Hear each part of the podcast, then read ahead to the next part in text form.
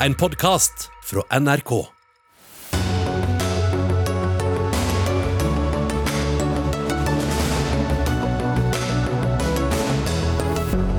Nok en alvorlig voldsepisode i Oslo. En mann ble skutt av politiet da han angrep tilfeldige mennesker på gata. Er det utrygt å være i hovedstaden nå? Nesten all forskning ved norske utdanningsinstitusjoner blir skrevet på engelsk. Nå vil regjeringen ha andelen ned, men ifølge en forsker kan den gjerne gå opp. Støre-regjeringens kutt i bistandsbudsjettet var vanvittig, mener Solbergs-regjeringens utviklingsminister.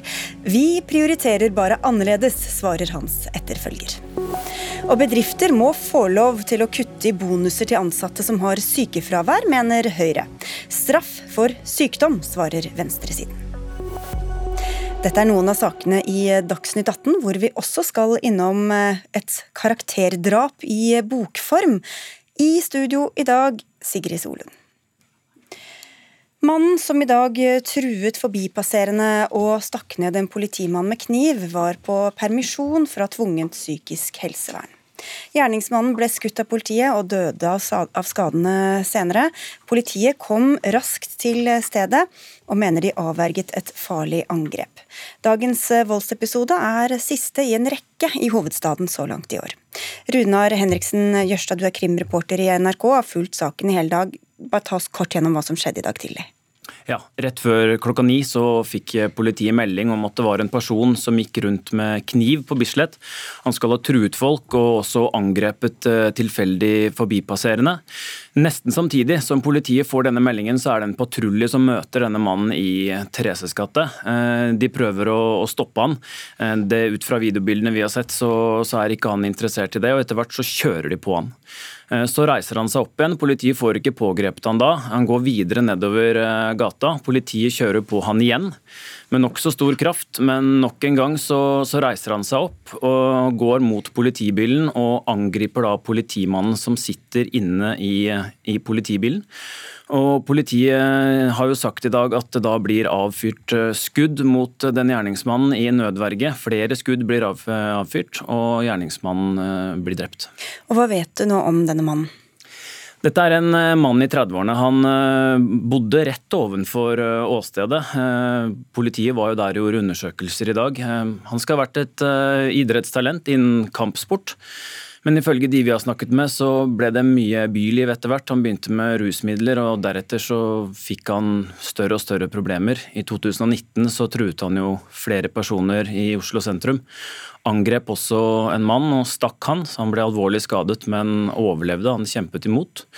Så ble han da dømt til tvungen psykisk helsevern i 2020, i desember 2020. Så var han nå på en kort permisjon. Han fikk permisjon på mandag, altså i går. Takk skal du ha, Runar Henriksen Jørstad. Jon Roger Lund ved Oslo politidistrikt. Vi er jo fortsatt rystet over drapene på Kongsberg. I dag eh, fikk vi denne hendelsen i Oslo, og det har vært flere drap og også voldshendelser i, eller et drap og flere voldshendelser i hovedstaden. Er det mer vold enn før nå ute i samfunnet? Nei, Generelt så er det ikke noe mer vold nå. Det vi ser nå, er det at vi er inne i en litt aktiv periode når det gjelder skyting eh, og alvorlige voldshendelser akkurat i Oslo. Er det sånn at man tar etter hverandre, at når det først er litt, så blir det enda mer, eller? Nei, altså så langt så må vi vel si at flere av de episodene vi har hatt, er enkeltstående episoder. Eh, og så vil jo etterforskninga da vise om vi kan finne noen knytninger mellom dette. I dette tilfellet, som vi hørte, var det jo tvungent helse, psykisk helsevern, altså en som var tydelig syk. I andre saker er det gjengoppgjør, organisert kriminalitet. Hva slags ulike typer hendelser og kriminalitet er det vi ser? Ja, Vi må være tydelige på at når det gjelder eh, den hendelsen som vi så i dag, så kan dette være altså vi får en hendelse hvor en person kan gjøre alvorlig skade bare med en kjøkkenkniv. Det er noe helt annet enn kriminelle aktører som står i konfliktlinje med hverandre, og som eh, vi ofte har et øye på, gjerne i forkant, men som vi eh, ser er helt annen, eh, et helt annet bilde enn folk som eh, lider av, eller har psykiske lidelser. Byrådsleder i Oslo, Raman Johansen, du sier til Dagsavisen nå ettermiddag at du er rystet etter det som skjedde i Oslo sentrum, altså Bislett i dag. Hva sier du til de som føler seg utrygge nå, enten de bor i Oslo eller er her på besøk? Objektivt sett så er Oslo en veldig trygg by. Sammenligna med alle andre byer på samme størrelse, også i Norge. Vi ser at de fleste er lovlydige. Men det å ha en følelse av utrygghet er en subjektiv oppfatning. Og det er klart at eh, er du i nærheten av eh, sånne hendelser som er en skremmende opplevelse, så vil du jo føle både angst og redsel og utrygghet. Og det er jo tilfellet også flere andre steder i, i Oslo. Og sånn ønsker jo ikke vi å ha det, og samarbeider jo veldig tett med politiet, Oslo kommune.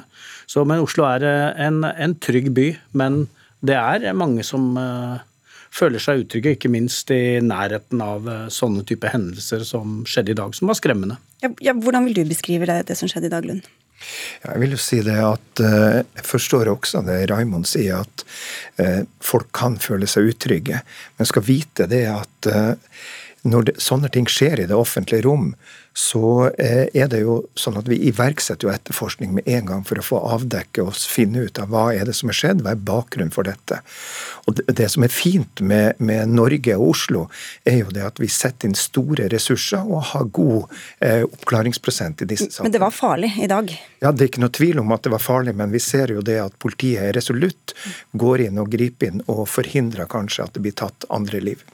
Men eh, Raymond Johansen, eh, tvungent helsevern hørte vi her eh, for denne mannen. Hvor god oversikt har kommunen over mennesker som kan utgjøre en fare for andre fordi de er så psykisk syke? Vi har, i sammen med spesialisthelsetjenesten, som jo ligger på, på statlig nivå, så har vi ganske god oversikt.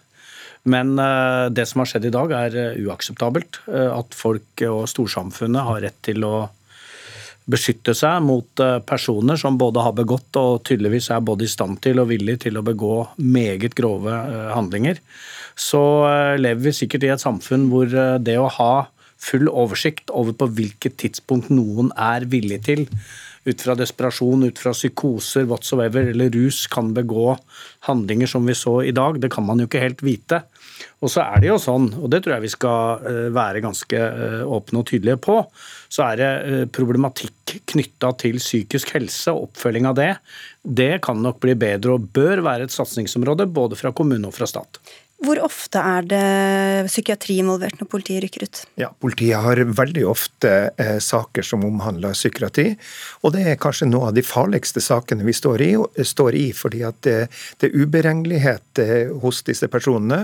Men vi har veldig godt trent personell som eh, er i god stand til å håndtere dette. Hvor, hvor godt rusta er dere i en sånn situasjon som i dag f.eks. til å håndtere uten at, altså på lavest mulig nivå, farenivå, for å si det sånn? Ja, Som, det, som så i dag, så er handler politiet resolutt. Og eh, både Oslo og øvrige eh, eh, politi i landet er meget godt trent for å håndtere slike situasjoner. Hva med innbyggere da rundt omkring i landet, hvis de møter folk som de opplever som truende, aggressive og syke? Ja, det, det, man må gjøre, i hvert fall har man dette i nabolaget, så bør man varsle eh, nærmeste offentlige instans, om det er politiet eller helse eller hva det måtte være. Det som er viktig, er i hvert fall at kommer de i situasjoner med disse, så må de for all del trekke seg unna og få varsla politiet. Vi har jo også sett Raimond Johansen, helt andre typer voldsepisoder, drap, skyting rundt omkring i byen. Hvordan er det blitt sånn at, at kriminelle har fått det spillerommet at det har kunnet skje da såpass mange episoder i løpet av det siste året? Oslo er en uh, hovedstad, er en storby som også har uh, utfordringer av den karakter du sier. Gjengproblematikk er en del av det. Det var verre for noen år siden enn det var nå.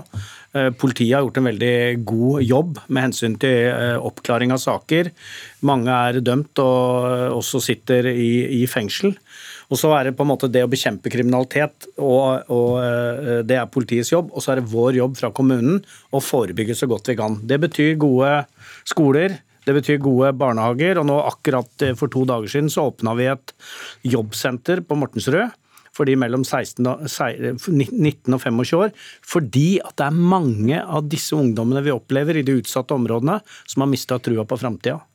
Og det å gi dem tro på framtida, og at det fins en plass for dem, er en oppgave som eh, ikke minst Oslo kommune er opptatt av å lykkes med. Lund, Hva vil du si til de som er redde for å bli rana, som det har vært flere episoder av, slått ned, eller kanskje havne i skuddlinjen helt tilfeldig mellom rivaliserende gjenger, for den saks skyld? Ja, Vi ser jo det at i de aller fleste tilfellene så det er det, kan det være psykiatri. Det kan også være eh, konfliktlinjer mellom kriminelle nettverk. Og der ser vi eh, sjelden at tredjeperson blir ramma. Men jeg vil også si det at det er veldig viktig at politiet bruker stor kraft på å avverge slike hendelser. At vi er gode på metodebruk, at vi er gode på uniformert tilstedeværelse for å trygge eh, befolkninga vår i Oslo og Norge. Det farligste å være i Oslo er kriminell. Det meste av voldshandlingene foregår innafor det kriminelle miljøet. Jeg vet ikke om det er en god trøst til alle nærmiljøer som eh, opplever Og Oslo er en trygg by, tross alt. Takk skal dere ha, Jon Roger Lund, som er leder for Oslo-politiets driftsenhet øst, og Raymond Johansen, som er byrådsleder i Oslo.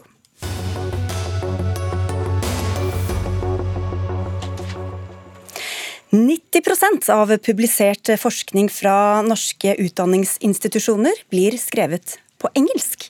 Den prosentandelen må ned, sier den nye statsråden for forskning og høyere utdanning, som eh, vi straks skal høre fra. Men i Aftenposten slår du et slag for engelskspråklig forskning, Aksel Mjøs. Du er førsteamanuensis i finans ved Norges handelshøyskole, og hvorfor gjør du det? Fordi at forskning det er kvalitetssikra innsikt. Og hvis min forskning skal bli kvalitetssikra sånn at det faktisk har et bidrag, så må den testes imot de beste fagfeller internasjonalt. Da må Journal of Finance, som ser på min artikkel, kunne sende det til de fremste som jobber med bankforskning, som jeg er, eh, og si er dette faktisk eh, solid, er det verdifullt, er det interessant. Hadde jeg skrevet på nynorsk som jeg ellers gjør, så hadde ikke de hatt en sjanse. Og hva hadde skjedd, tror du, med kvaliteten hvis man f.eks. sa at 50 skal, eh, skal foregå på norsk? Nei, Da tror jeg vi ville ha mista mye internasjonal respekt som et forskningsland og en nasjon som fokuserer på forskning. Fordi at Det skal ikke være mulig å skrive forskning her som kun kan testes på eh, hvis vi setter det på spissen, ditt eget nettverk av folk i samme fag innenfor dette vesle landet. Ola Borten Moe, forskning- og høyere utdanningsminister. Du har sagt til VG tidligere at dere ønsker å få opp andelen forskning som publiseres på norsk. Hvorfor det egentlig? For oss er det viktig at norsk skal være et eh, levende språk, også som akademisk språk. Og Det har eh, egentlig to veldig viktige moment i seg. Det ene er, handler jo om tilgjengeliggjøringa eh, av både forskning og ting som ellers publiseres til det norske samfunnet. Og Det er jo tross alt det norske samfunnet som betaler eh, for det her, og da er det nødt til å være tilgjengelig på det språket som vi bruker og som vi snakker i Norge. Eh, det andre eh, det er jo å videreutvikle det norske språket også som fagspråk. Og Det forutsetter jo at man bruker det. Det forutsetter at man utvikler fagterminologi som er hele tida fornyes, fordi at det dukker opp nye ord og uttrykk. Og Det vil vi jo ikke gjøre hvis vi ikke bruker det. og Da vil man jo komme i en situasjon der det norske språket eh, etter hvert blir ubrukbart som akademisk språk. og Det mener jeg det er grunn til å advare om. Så skal jeg si helt til slutt. Det er jo ingen som for ja, ikke, jo, jo, men altså, det er jo, eh, Heller ikke jeg har sagt at vi ikke skal bruke engelsk. Eh, og Det handler jo om å finne en balanse her mellom på den ene sida selvsagt å ivareta de ambisjonene vi har, og svært høye ambisjonene vi har om å prestere høyt på internasjonalt nivå. Og på den andre sida selvsagt eh, ta vare på det norske språket og tilgjengeliggjøre eh, resultatene for det norske samfunnet. Få høre, Mjøs, hva sier du? Vi skal jo tross alt levere til det norske samfunnet. Eller ikke vi, da, for jeg forsker ikke, men dere, da. Det går bra. Eh, jeg tenker at Det er viktig å skille her mellom forskning, som er innsiktsutvikling, og formidling, som er det å formidle forskningsresultat til det norske samfunnet. Altså, eh, Sjøl skriver jeg mye i eh, norske medier og i mediedebatt som her, og vi snakker norsk og vi diskuterer også på grunnlag av forskning. Eh, sånn at ting blir tilgjengeliggjort. Men utviklingen og sentral, altså En sentral del av forskningsutvikling er nettopp å teste resultatene dine på de beste som kan kvalitetssikre det. Og Da må det skje på engelsk. Og Så skal vi formidle, vi skal være en del av den norske samfunnsdebatten. Helt absolutt. Men akkurat forskningen, Borten Moe, hvordan skal Norge kunne hevde seg og bidra i det hele tatt i et internasjonalt forskningsmiljø hvis det skjer på norsk? Jeg tror jo for det første at Mjøs her har et uh, poeng uh, som man ikke skal kimse av. Det er forskjell på det å, uh, forsk. forske og, og, det å tilgjengeliggjøre, eller, eller da publisere i det norske samfunnet, om du vil. men så det, det, trenger ikke å være gjensidig utelukkende, og sannsynligvis er det det heller ikke. Eh, og så er det jo også sånn at eh, så vidt jeg vet, så er han ved Handelshøyskolen i Bergen, jobber med internasjonale finansmarked. Det er jo også sånn at det er en lang rekke fagdisipliner som kanskje er langt bedre utvikla i Norge, og som har relevans i Norge mer enn det har internasjonalt. Så jeg er ikke helt sikker på at jeg kjøper premisset om at all norsk forskning er nødt til å skje på engelsk, fordi at du ikke har relevante fagmiljø her i Norge til å, eh, til å vurdere det. Og F.eks. innenfor historie, hvis du skal skrive om Henrik Wergeland, så vil jeg jo tro at det er svært begrensa kompetanse å hente utafor utenfor landets grenser. Svein Stølen, rektor ved Universitetet i Oslo. Eh, antall masteroppgaver som blir skrevet på norsk har gått ned fra 83% til 55% de siste 35 årene. Er det en bra utvikling? Jeg tenker jeg først vil si at Det er viktig at vi beholder og jobber med norsk fagspråk. Det er vi opptatt av. Det er hovedspråk på Universitetet i Oslo. Og så fremmer vi parallellspråklighet. Det er ekstremt viktig. Og så må man skille mellom hva vi gjør av undervisning, hva vi gjør av forskning og hva vi gjør av formidling. Hvordan vi tar kunnskapen i bruk. Når det gjelder det spesifikke tallet, så handler det også om hva Universitetet i Oslo er som institusjon. Vi underviser massivt på norsk på bachelorprogram. Der rekrutterer vi veldig nasjonalt. Når vi kommer til mastergrad, så rekrutterer vi veldig internasjonalt. Mer enn 55% av våre søkere er internasjonale studenter. Av den grunn så er det nok ikke så rart heller at mye så en av mastergradene En villet utvikling, egentlig? Dette er en del av det å være et internasjonalt universitet. Og så tenker jeg at det vi må ha totalt i Norge, det er en UH-sektor som til sammen dekker Norges behov både regionalt og nasjonalt på kort sikt og lang sikt. Og da er det litt ulike institusjoner som kommer til å ha ulike preferanser. Og Hvilken retning syns du Borten Moe peker for norske universiteter her, da? Jeg, tror, jeg, jeg syns egentlig ikke det er så dramatisk. Jeg tror vi bare må tenke på forskjellen mellom og, og fortsette å, og, og se på forskjellen mellom publisering og formidling. Jeg mener, et godt eksempel er Fredrik Holsten, første som tok til en doktorgrad ved Universitetet i Oslo, 1817, på latin. Men han gikk videre og tok den forskningen over i samfunnet. Han revolusjonerte helsevesenet, han revolusjonerte hvordan vi jobber med fengselsvesen og psykisk helse. Og Det er det vi fortsatt gjør. Vi henter inn kunnskap fra hele verden, og så omsetter vi den til samfunnet på norsk. Og det er viktig. Jeg tror, eh, jeg tror Hvis man holder fast i den tanken, så kan jo en altså I utgangspunktet så er det jo sånn at en eh, oppgave, enten det er en masteroppgave eller en doktorgradsoppgave som skrives på engelsk, så skal jo den ha et utfyllende sammendrag på norsk. Eh, og I det sammendraget så skal man jo også utvikle det norske fagspråket i den grad det er relevant. Min observasjon er at det skjer i begrensa grad. Altså Der syndes det rundt forbi i norsk UH-sektor. Eh, det tenker jeg liksom, det, det er en lavthengende frukt å ta tak i.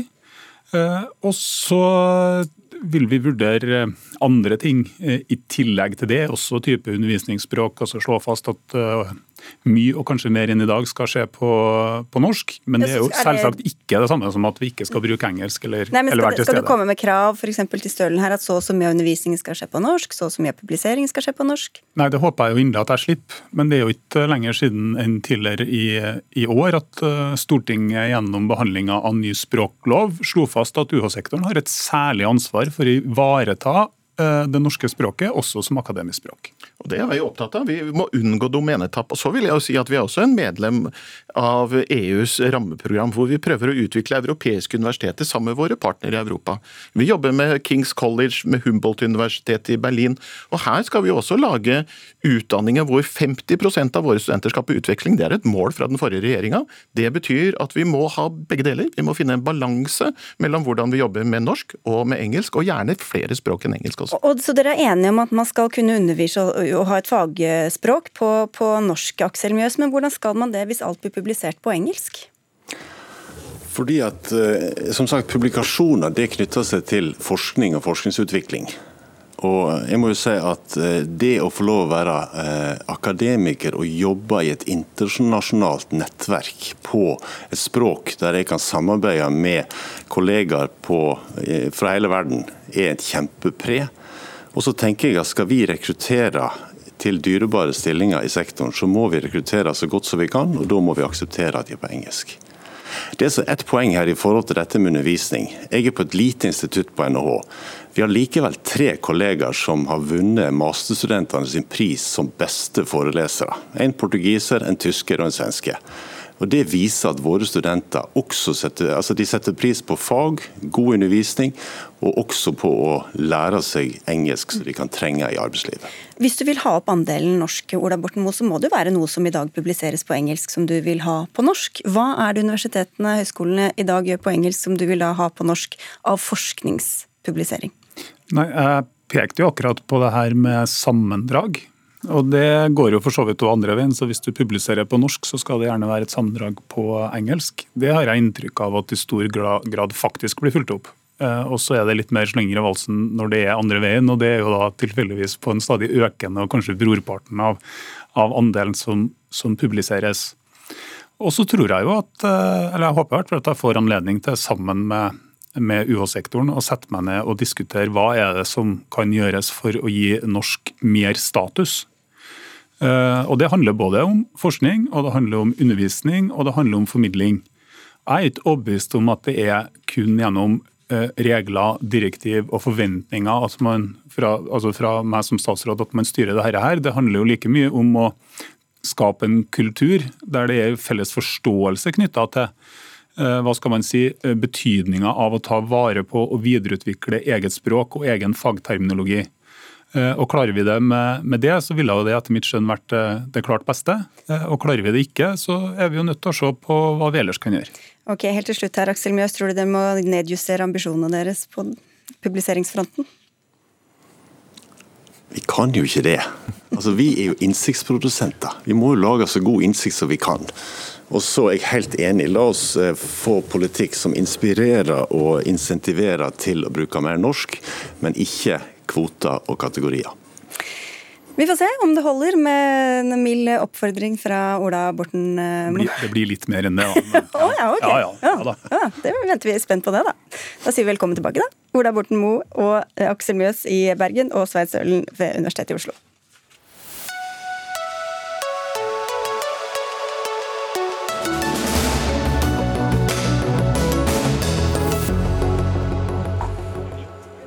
Bør syke arbeidstakere få mindre bonus enn de som alltid er på jobb? Se, det skal vi diskutere snart her i Dagsnytt 18. Men før det skal vi ut i verden. Matsikkerhet, fornybar energi og ulike former for klimatilpasning, det er hva Støres regjering satser på i utviklingspolitikken. Denne satsingen er ikke gått ubemerket hen, for når det satses på ett felt, så blir det gjerne kuttet på et annet. Dag Inge Ulstein, du var tidligere utviklingsminister, nå er du utenrikspolitisk talsperson for Kristelig Folkeparti. Mm. Regjeringen flytter på mange hundre millioner kroner nå i sitt eh, budsjett. Disse prioriteringene er vanvittige, sier du. Hva er det som er så vanvittig? Ja, nå er ikke prioriteringene en må få lov å prioritere som en ønsker, men det er jo faktisk et kutt. da. Det er det vi har reagert veldig sterkt på. Og Vi har jo hørt de siste dagene at det har vært finansdebatt eller innledende debatt i Stortinget, og der Senterpartiet og Arbeiderpartiet sier at vi har ikke hatt tid til å gjøre liksom alle endringene vi ville. Men de fikk faktisk tid til å gjøre kanskje det som er det mest usosiale kuttet som noensinne er mulig å få til. Nettopp å kutte 750 millioner kroner til verdens fattige og til internasjonal bistand og humanitær hjelp. Så, så, det er jo et kutt da, som okay. de må svare for. Men vi, ja, vi, får bare svare ut det først, bistandsminister Anne Beate Tvinnereim fra Senterpartiet. For eh, Det er kanskje mer interessant egentlig å snakke om hva man prioriterer enn akkurat tallet hit og dit, men du kan jo svare på hva dette kuttet faktisk går ut på. Jo, det regjeringen gjør, er jo at vi har eh, altså, arvet et eh, budsjettopplegg fra den utgående regjeringen Eh, I vårt budsjettopplegg så bevilger vi 3 milliarder kroner mer til bistand enn det Ulstein hadde på sitt budsjett i år. Eh, og det er 1% av, eh, av BNI. Det er et raust bistandsbudsjett. Okay, og så kommer det si... på hva man regner som bistand og hvilken kategori. Nei, men det her er jo ikke riktig. Vi la jo fram et budsjett og det som er tilleggsinnstillinga fra den nye regjeringa, er å kutte med 750 millioner fra det budsjettet som er nå snakker vi om 2022, statsråd. Så nå må, altså Er det et kutt på 750 millioner? For det er både undertegna, KrF og veldig mange organisasjoner som er skuffa og mener det er helt vanvittig at en kutter med nesten en milliard okay, når det er enorme utfordringer. Så Hvis, er det et kutt. Hvordan, hvordan regner dere så forskjellig, Tvinnerheim? Bare opplys oss, for dette er veldig forvirrende. Nei, det er ikke så veldig forvirrende. Vi bevilger 1 milliard av BNI, BNI til internasjonal bistand. Og det er 3 milliarder kroner mer enn hva bevilget i, til Men nå gjør eh, statsråden samme igjen, programmet. For dette, Poenget er jo ikke hva som var på årets budsjett. Det var lagt fram et budsjett som KrF var stolt av å legge fram eh, for 2022. Og så er det et kutt i det som den nye regjeringens forslag, med okay. 750 millioner mindre. Men det må vi jo få avklart. Okay, er det 750 greit. millioner mindre? Er Må jo være det å for, på. for neste år, altså for det budsjettet som lå der, er det, da er det kutta? I forhold til eh, det fram, framlagte budsjettet til den utgående regjeringen, så er det helt riktig. Det er 750 millioner mindre. Men det er veldig viktig å presisere at dette var jo eh, midler som Ulstein mente ikke var såkalt ODA-godkjent. Vi mener at de kan ODA-godkjennes. Ok, så det, det er denne kategoriseringen som vi Jeg synes denne ja. debatten blir litt sånn en avsporing. fordi at vi, vi må jo snakke om eh, hvordan vi innretter bistanden mest mulig effektivt. Eh, og et veldig raust bistandsbudsjett på over 41 milliarder kroner. La oss heller snakke om hvordan vi bruker de pengene. Ja, det er det jeg vil snakke om også. Ulstein, hvordan er det denne regjeringa prioriterer annerledes enn det du gjør, som du syns er dumt? Jeg tror nesten ikke mine egne ører. For jeg hørte vi altså at partilederen til statsråden brukte bistand som et av eksemplene han fikk spørsmål om hvor er den henta kutta. Jo, en fikk mer handlingsrom gjennom å kutte på bistand. Og her er altså en, en, en statsråd som da eh, burde virkelig stått opp og kjempa i en tid der pandemien herjer de fleste plassene i verden. Konsekvensene av krisa gjør at det er større og større behov, og så kutter en altså med 750 millioner kroner. Blant annet så er det kutt på, på, på utdanning på utdanning på flere hundre millioner kroner. Um, og der vi faktisk Stortinget har, har, har lovt, vi har kommet med noen lovnader i forhold til hva de pengene skal brukes til, og så kutter han flere hundre millioner kroner etter det. Det får dramatiske konsekvenser, ikke bare for vår anseelse ute, men aller mest for de jentene og guttene som ikke får tilgang til skole, de skolebøkene, de skolene skulle bli bygd. Så det er dramatiske konsekvenser i de prioriteringene som ligger der. Men det er selvfølgelig kuttet som er helt uforståelig, og som jeg brukte ord som vanvittig, for det er vanvittig i en tid der verden virkelig har enorme utfordringer å kutte med 750 millioner Hvorfor kutter dere her i denne potten, Tvinnereim? Nå er det sånn at det er en ny regjering med nye prioriteringer. og Vi har sagt at noe av det beste vi kan gjøre for verdens fattige, det er klimatilpassing, klimafinansiering og kamp mot sult. Eh, og eh, Utdanning er kjempeviktig, det, Ulstein. Eh, Men det ligger jo fortsatt på et meget høyt nivå, og vi viderefører det høye nivået som Solberg-regjeringen lovte. Solberg, eh, statsminister Solberg lovte en dobling av bistanden til utdanning. Vi legger oss på det nivået, på 3,4 milliarder kroner. Det er masse penger til god utdanning. Men samtidig så sier vi altså vi ønsker å vri bistanden til å være mer strategisk. Og vi sier også la oss fokusere på en gruppe som har gått for lut og kaldt vann, unnskyld meg, i norsk bistand i lang tid, nemlig, eh, nemlig de, eh, de som eh, utsettes for sult. Det er sånn at eh, 800 millioner lever av sult i dag. Vi fikk eh, denne uken rapport om at 45 millioner mennesker står i eh, akutt hungersnød. Og vi sier nå ønsker vi å prioritere bl.a. en halv milliard av den stadig voksende bistandsbudsjettet til å satse på denne gruppen. Jeg synes jo Det er kjempeflott det, å høre at en, en fortsetter det som har vært en veldig tydelig satsing på matsikkerhet, og på. klimatilpasning. Altså En tredobling av bistanden på klimatilpasning var jo lagt opp til budsjettet her. og Mange av de eh, sakene som er lagt fram bare de siste dagene, er jo faktisk ting som er vedtatt allerede. Så du er egentlig enig i alt, da, bortsett fra at de har kuttet på er noen ting? Og... jo kutt der en rammer eh, sårbare grupper, som personer med funksjonsnedsettelse. En setter helt på vent og stopper opp et satsing knytta til psykisk helse.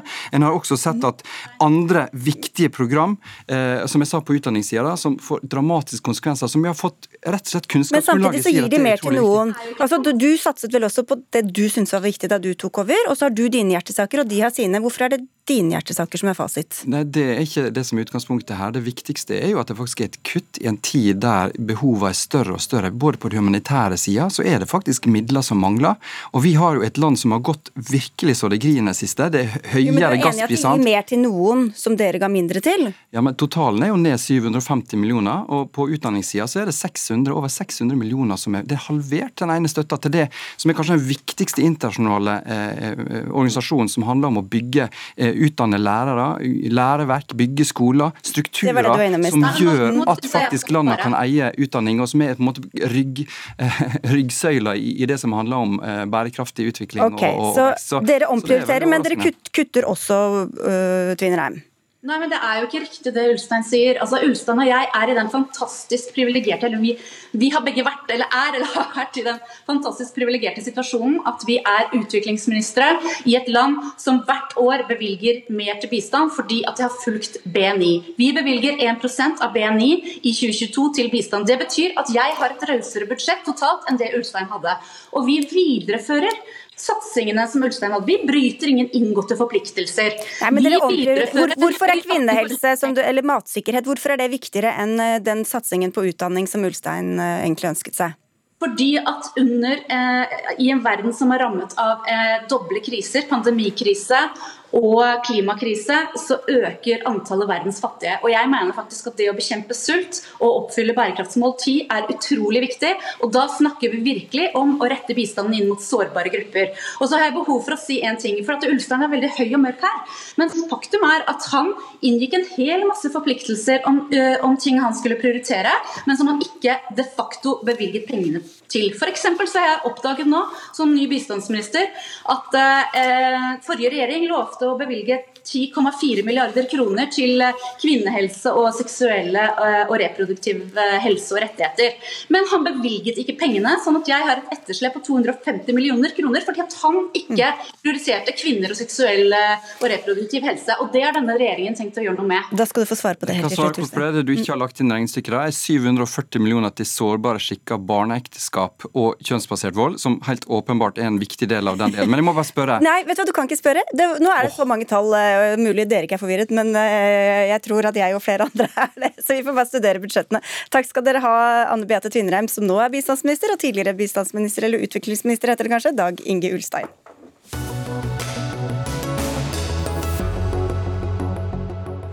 Ønsker du deg politiske biografier til jul, kan stabelen under juletreet bli høy. Så langt i høst har Arbeiderpartiets tidligere politikere dominert utgivelsene, men nå kommer også boka om Siv Jensen, skrevet i samarbeid med Gunnar Ringheim. Der beskriver hun veien inn i politikken, og etter hvert også livet som Fremskrittspartiets leder og siden finansminister.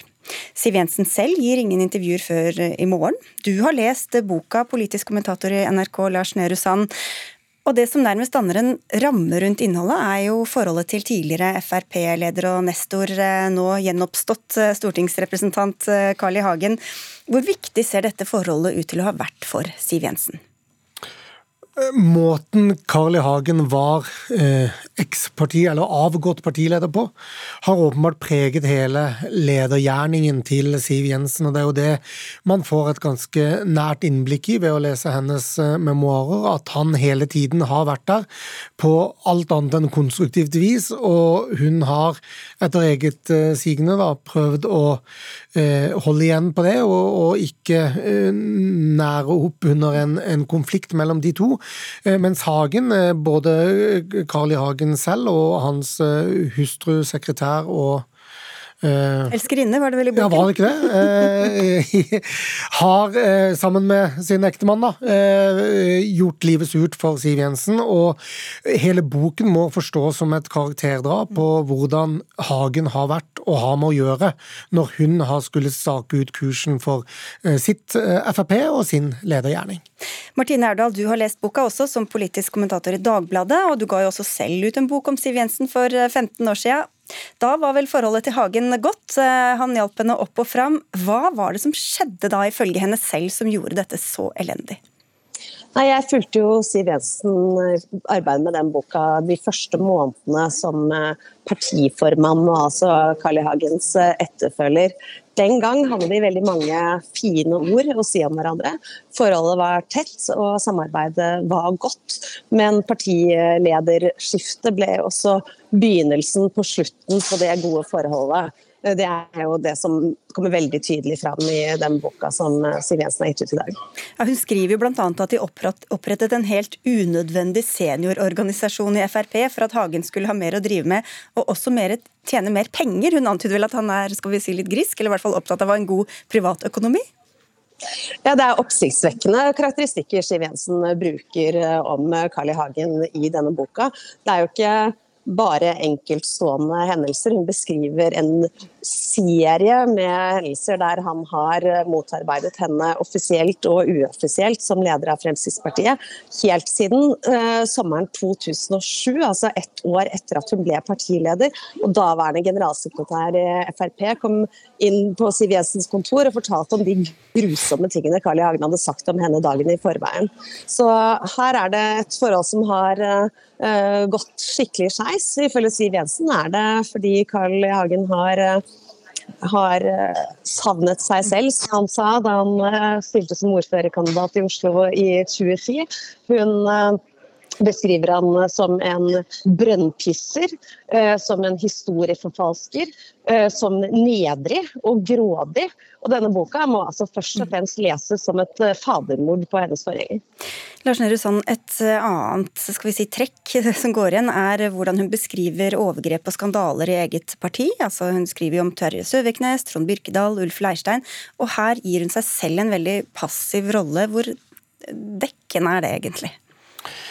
Ja, det syns jeg varierer litt. Jeg syns eh, De skandalene som har hatt eh, et snev av et politisk bakteppe, oppgjør mot eh, det fløyer eller elementer i eget parti, der hadde jeg gjerne sett at hun hadde hatt en større analyse. Også fordi noe av det siste hun gjorde som partileder, var å ekskludere medlemmer i Oslo Frp. Så det går på en måte en, en tråd fra lenge før hennes tid, og, og Dolkesjø, som vi kaller landsmøtet på, på Bolkesjø, og, og også opprykk opprydningen med, med Vidar Kleppe og flere, helt frem til da eh, helt nyere tid. Eh, så jeg skulle gjerne sett hennes analyse av hvorfor dette skjer i, eller har skjedd i, i Fremskrittspartiet, hva som kunne vært gjort annerledes for å unngå det. Eh, så har du jo de skandalene som skyldes åpenbare personlige feil, enten det er Trond Birkedal eller, eller, eller Terje Søviknes eller sånn, og der Bård Hoksrud f.eks., og der sier hun jo litt om partiets også egen, eh, egen eh, oppførsel og ledergjerning der. Hun eh, bl.a. er åpen på at håndteringen av Birkedal-saken, som jo også har vært intern kritikk av, er noe hun selv både angrer på og lærte mye av, både som enkeltperson og som, som partileder, og noen partier tok lærdom av. Hvordan leser du dette, Aurdal? Nei, jeg synes at Siv Jensen er like snill med seg selv i disse partiene som hun er nådeløs mot Carl I. Hagen i de vi snakket om innledningsvis. Jeg skulle ønske meg mye mer refleksjon rundt hennes egen rolle. Spesielt der hun skriver om Søviknes-saken, om uh, Rustøens uh, varsling, og også om Leirstein-saken. Her konsekvent underspiller Siv Jensen sin egen rolle. Hun nevner i en bisetning at hun og Terje Søviknes sto i et intervju på TV 2 der det etterlatte inntrykket ble at han eh, benektet at han hadde gjort noe ulovlig, at hun bisto med det. Men den store skandalen og grunnen til at dette også har ved, heftet ved Siv Jensen i så mange år, er jo nettopp at hun allerede hadde kjent til uh, disse anklagene i mange måneder. Uh, hun uh, sto ved Søviknes side og benektet alle rykter. Hun gikk på talerstolen på fylkesårsmøtet i Hordaland. Det er rett nok nevnt i boka. Eh, og ba eh, partikollegene rydde opp i ukultur og stoppe ryktespredning. Men dette var altså på det samme fylkesårsmøtet hvor Rustøen gikk på talerstolen og sa at hun var blitt voldtatt av en partifelle i Frp. Og det står ikke nevnt at Siv Jensen da allerede i mange måneder hadde hatt jevnlige møter med Rustøen om dette.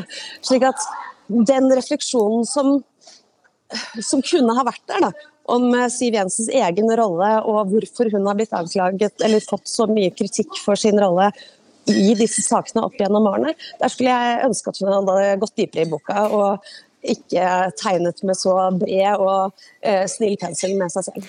Også noe stort sånn ideologisk prosjekt får vi heller ikke øye på i boka, Lars Nehru Sand? Nei, altså Prosjektet hennes og det som står igjen etter henne som leder, er at hun eh, brakte Frp inn i maktposisjon. Jeg syns de to årene før eh, regjeringsdeltakelsen i 2013 og den første perioden i regjering er jo noe av høydepunktet både organisatorisk og politisk. Men, men det brennende engasjementet for noen eh, enkeltsaker eller det tydelige politiske prosjektet, da syns jeg nok også det er, eh, som Audal er inne på, ikke de helt store analysene i denne boken. Det er mer en sånn dette skjedde, litt kronologisk, mer enn akkurat hvorfor og hvordan ting skjedde, og, og, og en mer historie bak, eller en dypere analyse, også når det gjelder det politiske. Takk skal dere ha, begge to, Lars Nehru Sand og Martine Aurdal, for at dere kom til Dagsnytt 18.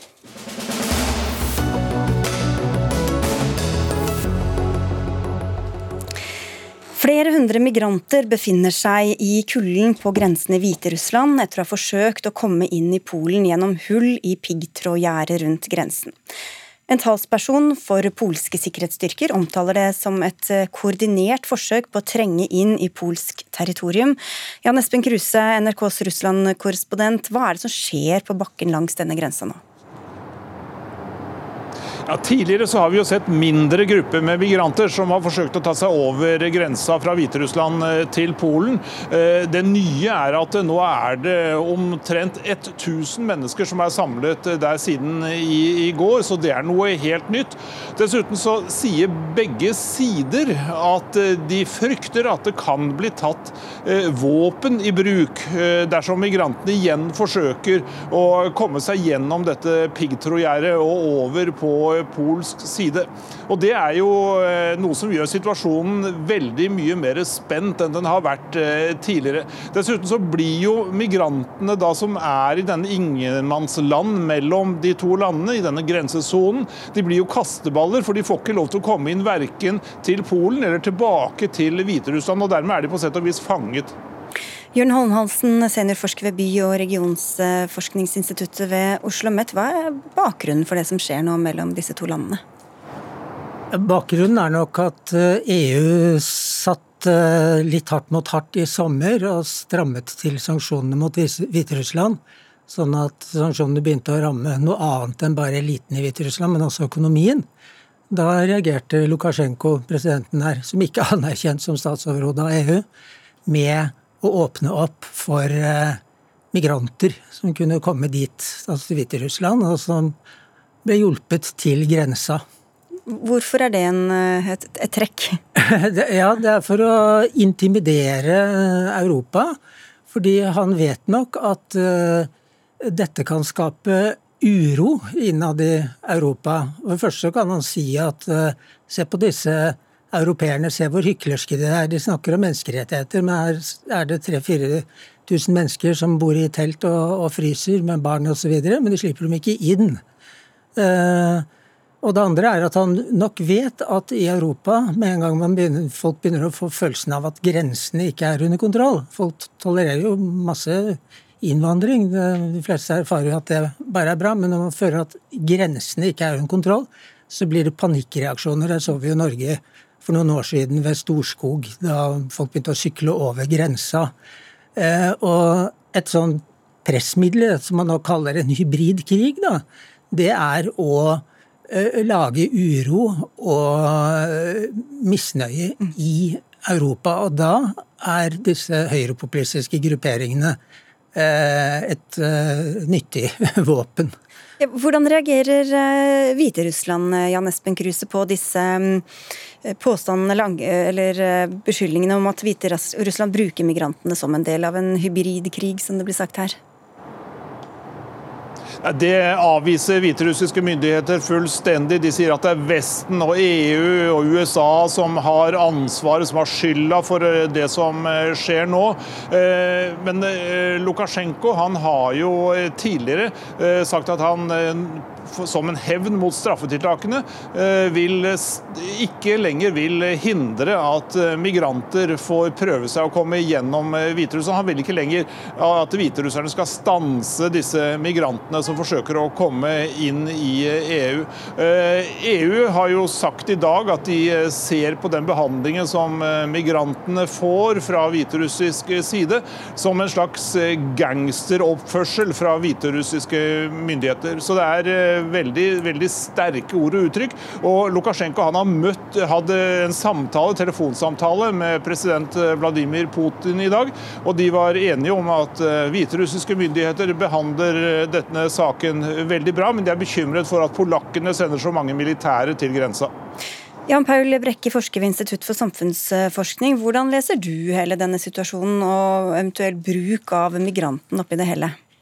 Altså, det er en ny situasjon hvor det er såpass ekstremt. Vi har sett det før, for, for to år siden, da vi så eh, Tyrkia eh, presset folk opp mot grensen mot Hellas. Det ble i hvert fall påstått det. Det var rett før pandemien.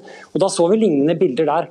Men da må vi huske at det var annerledes, fordi Tyrkia tross alt er et stort mottakerland og transittland for uh, flyktninger og migranter vanligvis. Mens her er det helt spesielt at det er hentet inn nesten ene og alene, uh, virker det som, for å utløse denne reaksjonen fra EU.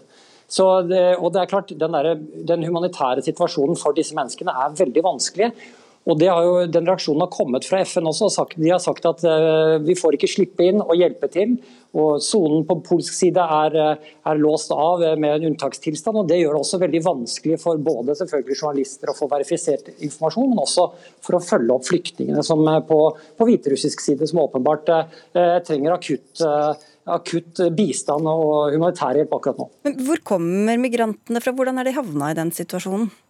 Ja, det er, det er, et mysterium. så det, den, det, er vanskelig å si uten å få undersøkt dette nærmere. som da er vanskelig fordi man ikke slipper til.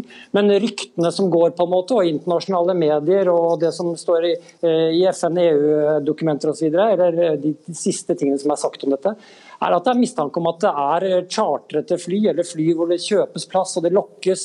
Eh, man blir eh, insentivert og, og stimulert liksom, til å komme til til Hviterussland, og så blir derfra skyflet ut mot grensen for å ha denne funksjonen. Og I så fall så høres det det, høres jo, det, er, det har vi ikke sett før eh, i Europa. og, og Det gjør jo at EU nå er opptatt av å, og kanskje gjøre sanksjoner mot de selskapene som flyr folk inn til Minsk.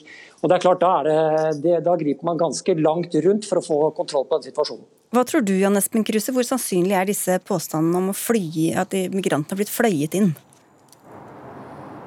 Ja, Det er ganske sannsynlig. Jeg har vært inne og sett på eh, hvor flyene som lander på flyplassen i Minsk, hvor de kommer fra i dag og i går. Og det er altså eh, land som, som Syria, og eh, tidligere har det vært Irak.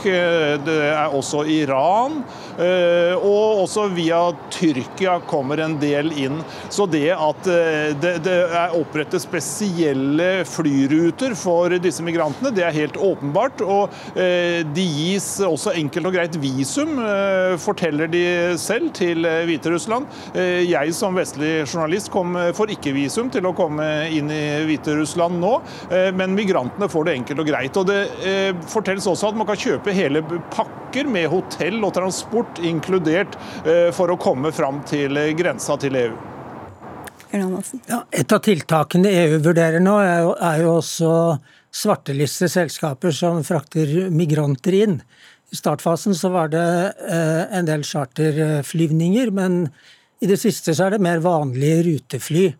Eh, det er ikke så mange fly, fly som eh, drar til Hviterussland lenger, men Turkish Airlines f.eks. er ett av dem. Men derfor er EU også selv et problem, fordi at en del av disse flyene er leid inn gjennom irske selskaper. De har spesialisert seg på å finne sånne smutthull og sånn. Sånn at EU får selv en liten eh, blemme de må løse der, da. Ja, Jan Paul Brekke, hva kan være sannsynlige scenarioer videre sånn rent storpolitisk her? Nei, altså her er, det, her er det snakk om en akutt situasjon, og så det, må det snakke på bakrommet. Men det er klart det sitter hardt langt inne for EU å gå med på noe som helst her, fordi at man, fordi at man ikke ønsker å bli presset av dette regimet. Men det er eh, høyst sannsynlig samtale på bakrommet, eh, og i tillegg så må det da komme akutt humanitær hjelp inn. Men dette er jo sensitivt når det gjelder akkurat dette med migrasjonsstyring, for der er EU egentlig enig om å holde en tøff ytterlinje og holde en, en, en tøff grensekontroll. Men her slipper altså ikke dette Frontex, dette EU Eh, om grensekontroll. De slipper ikke inn til Polen og kommer eh, Dette vil polakkene håndtere selv. og Det gjør at det er ekstra sensitivt eh, mellom EU og Polen også, i tillegg til at det er vanskelig mellom EU og, og Hviterussland. Så her er det flere liksom, lag med utfordringer før man kan skape en løsning på grensen. Men nå engasjerer vel også Tyskland seg her, Jørn Holm Hansen. Hva kan det få å si, tror du? Ja, Tyskland ønsker jo å hjelpe til. Fordi de fleste av disse migrantene, de som slipper gjennom eh, disse gjerdene og, og grenseområdene, de forsvinner jo fortere enn svint ut av Polen og inn i, i Tyskland. Men den polske regjeringen er jo, som vi alle nå etter hvert vet, nasjonalkonservativ. Og de på en måte liker nok kanskje å ha denne konflikten gående, for da kan de stå opp som den store forsvarer av, Polens selvstendighet. Det er en sånn gammel tradisjon med å være eh, den korrekte kristenhetens eh, bollverk mot øst Og, så videre. og, og de er veldig opptatt av å spille på antitysk retorikk. Det er noe som er sterkere i Polen enn vi ofte legger merke til her i Norge. sånn at disse disse hva skal man si, solidariske eh, invittene fra tysk side kan fort bli avvist. Og I det hele tatt så har det jo framstått som ekstremt egenrådig. Det har jo ikke villet ha, eh, som det ble nevnt her, eh, hjelp fra Frontex, ikke sant, grensebyrået i EU, og heller ikke Europol. Og imens stormaktene driver med sitt, så sitter det altså flere hundre migranter og fryser på grensa. Takk skal dere ha alle tre. Jørn Holm Hansen, seniorforsker ved NIBR. Jan Paul Brekke, forsker ved Institutt for samfunnsforskning. Og vår egen Jan Espen Kruse.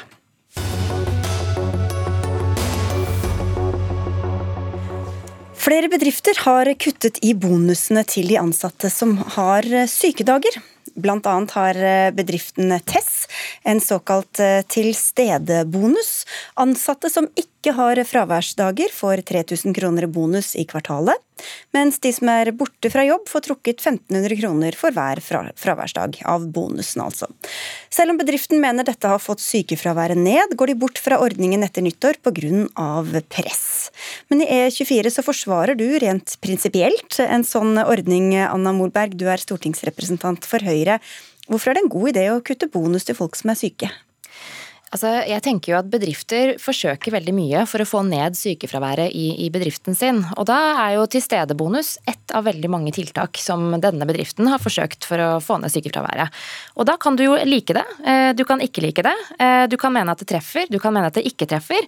Men nå velger jo deler av venstresiden i Norge å lefle med tanken om å forby det. Og det er her mitt problem ligger. Jeg syns vi ikke skal forby den type tiltak for å få ned sykefraværet. Og det syns vel heller ikke du, Trine Lise Sundnes, stortingsrepresentant storting stortingsrepresentant fra Arbeiderpartiet, men du tilhører dem som ikke liker det. og Hvorfor gjør du ikke det? Nei, altså jeg eh, syns at eh, dette er litt gammeldags, rett og slett. Og jeg er liksom ikke i tråd med moderne ledelsesfilosofier i det hele tatt. Eh, når en bedrift må betale oppmøtebonus for at folk skal møte på jobb, så er det ganske åpenbart for meg at de enten har et ledelsesproblem eller et arbeidsmiljøproblem. Og all forskning viser at å ta den type avstraffing og mistenkeliggjøring av sykefravær virker mot sin hensikt. Det som virker, det er jo begeistringsledelse. Det å sørge for at folk blir sett, anerkjenne arbeidsinnsats, og også, og også sørge for å eh, evne og begeistre. Men, men, hensikten var jo å få sykefraværet ned, og det har de jo oppnådd. Så da har det jo ikke virket mot sin hensikt, da. Jo, men poenget her er jo at Eh, det er ikke korttidsfraværet i Norge som er et problem, det er langtidsfraværet. Eh, og så er det sånn at eh, den type mistenkeliggjøring og økonomisk avstraffelse knytta til fravær og sykefravær, det sørger for å forskjellsbehandle spesifikke aldersgrupper, eh, kvinner, eh, småbarnsforeldre osv. Grupper som har stort fravær fra før. Og den type eh, avlønning har ingen langtidseffekt. Du kan få svare på det, Molberg, men først bare dette med enten så kommer jo da folk på jobb selv om de er syke, eller så skulker de jo da, hvis de er hjemme uten å være syke. Altså Er du syk, så møter du ikke på jobb. Jo, men sånn hvis, det. hvis denne skal virke, så må den jo enten folk komme på jobb når de er syke, eller så er de egentlig ikke syke. Hvis du er syk, så møter du ikke på jobb. Jo, men, men bare følg logikken her, liksom. Altså Hvis man belønner folk uh, for å ikke være hjemme når de er syke, så kommer de jo enten på jobb når de er syke, eller så ja, altså, var det egentlig ikke syke i utgangspunktet? Det vi diskuterer her er jo muligheten bedriften skal ha for å kunne eh, få, få, ned sykefraværet, eller for å øke tilstedeværelsen på jobb. Og hvis man skal begynne å forby dette her, eller da kritisere det såpass kraftig, så er jo mitt spørsmål hvor blir det av da handlingsrommet norsk næringsliv har for å forsøke å få ned sykefraværet? Vi må huske på at det er en kostnad for bedriften også å utbetale bonuser. Eh, og vi må også huske på at hvis de faktisk gjør det, så betyr det jo at det kanskje har en effekt. Og jeg mener mener vi da innskrenker handlingsrommet til norsk næringsliv ganske kraftig dersom man skal begynne å snakke om forbud eh, mot denne typen bonus. Men hvorfor skal man få insentiver til å gå på jobb når man er syk og potensielt smitte andre, eller kanskje til og med bli værende syk lenger, eller enda sykere sjøl? Altså jeg mener jo at bedrifter og ansatte er veldig godt i stand til å finne ut av dette her selv. Jeg syns ikke vi politikere skal forby alt vi ikke liker. Vi kan gjerne kritisere ulike ja, men du liker det da? Du liker det jo. jeg, jeg liker at bedriftene finner kreative måter å få ned sykefraværet på. Og hvis denne enkelte bedriften her mener at det fungerer for dem, så syns jeg også det er positivt at ansatte kan få en mulighet til å få en bonus ekstra. Men nå, eh, altså nå, sier jo Molberg selv at hun kan forstå at noen føler det urettferdig eh, at de eh, faktisk eh, er syke og blir straffa økonomisk eh, for det.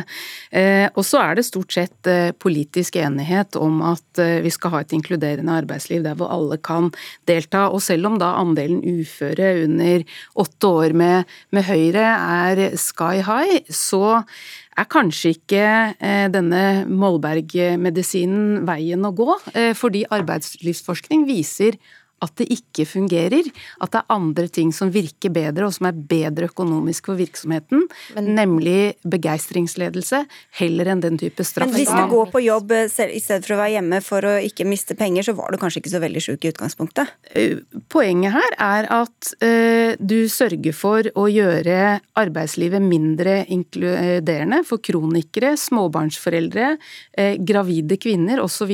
Fordi hvis du er har en høytlønna jobb, så kan du kanskje unngå eh, å møte opp, eh, men eh, for folk flest så er det sånn at 3000 eh, kroner eller 1500 kroner, som dette ene eksempelet per dag nevner her, det har faktisk ikke folk råd til. Og da har du ingen, ikke noe valg.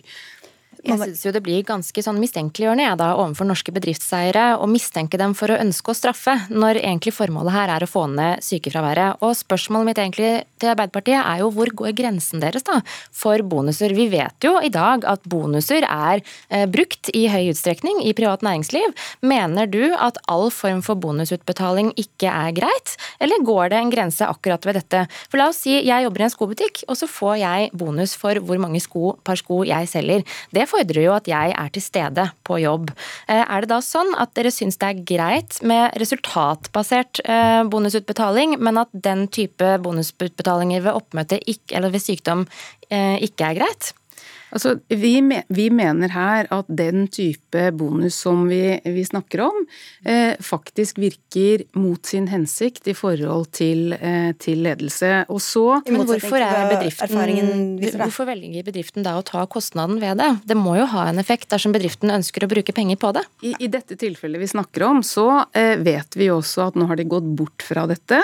Eh, vi vet også at det er en forunliggende historie her som handler om organisering eller ikke organisering harmonisering, tariffavtale eller ikke. Eh, og min påstand i dette tilfellet spesifikt, det handler om at grunnlønna i utgangspunktet har vært for lavt satt. Ok, Men Molberg, hvorfor skal man ha en ordning som straffer f.eks. kronikere eller gravide, eller de som må være hjemmesyke barn? Jeg støtter alle former for særordninger for kronikere og de som er gravide og de som er hjemme med syke barn. Jeg mener det er bra at vi har et mangfold av ulike bonusordninger. Eh, og så tror jeg at vi skal snu litt på det, og ikke tro at det er bedriftens hensikt å verken straffe eller diskriminere den gruppen du nevner. Men kan det bli konsekvensen, selv om ikke det er ønsket Altså, konsekvensen, det, det, er, det, er, ikke sikkert det nødvendigvis det blir, men poenget her er jo å få ned sykefraværet i bedriften. Og hvis dette er et tiltak som faktisk kan bidra til å få ned sykefraværet, så syns jeg det er helt greit at bedriftene i Norge har et visst handlingsrom til å få som ned sykefraværet. Som er veldig veldig høyt i Norge i forhold til veldig mange andre land, Trine Lise Sunde. Så vi har prøvd mange av de samme tingene i mange år. Hvorfor ikke tenke litt nytt? Men korttidsfraværet er ikke problemet i Norge, det er langtidsfraværet. Og da er det ikke denne type ordninger som vil være med å bidra til å få ned fraværet. hatt denne ordningen hvis sykefravær ikke er et problem? All arbeidslivsforskning viser at dette har kun korttidseffekt. Eh, og eh, spesifikt i forhold til denne bedriften så vet du og jeg at gjennomtrekken er ganske høy, og at folk slutter fordi dårlig arbeidsmiljø er Vi kan ikke snakke om den bedriften fordi jeg er ikke her, men vi kan ikke snakke mer i det hele tatt fordi sendingen er over. Så vi må si tusen takk til dere begge to. Anna Molberg fra Høyre og Trine Lise Sundnes fra Arbeiderpartiet. Dagsnytt 18 er ved veis ende. Takk for følget mennesker ansvarlig for sendinga, Anne Katrine Førli, teknisk ansvarlig Helje Svensson og programleder Sigrid Solund.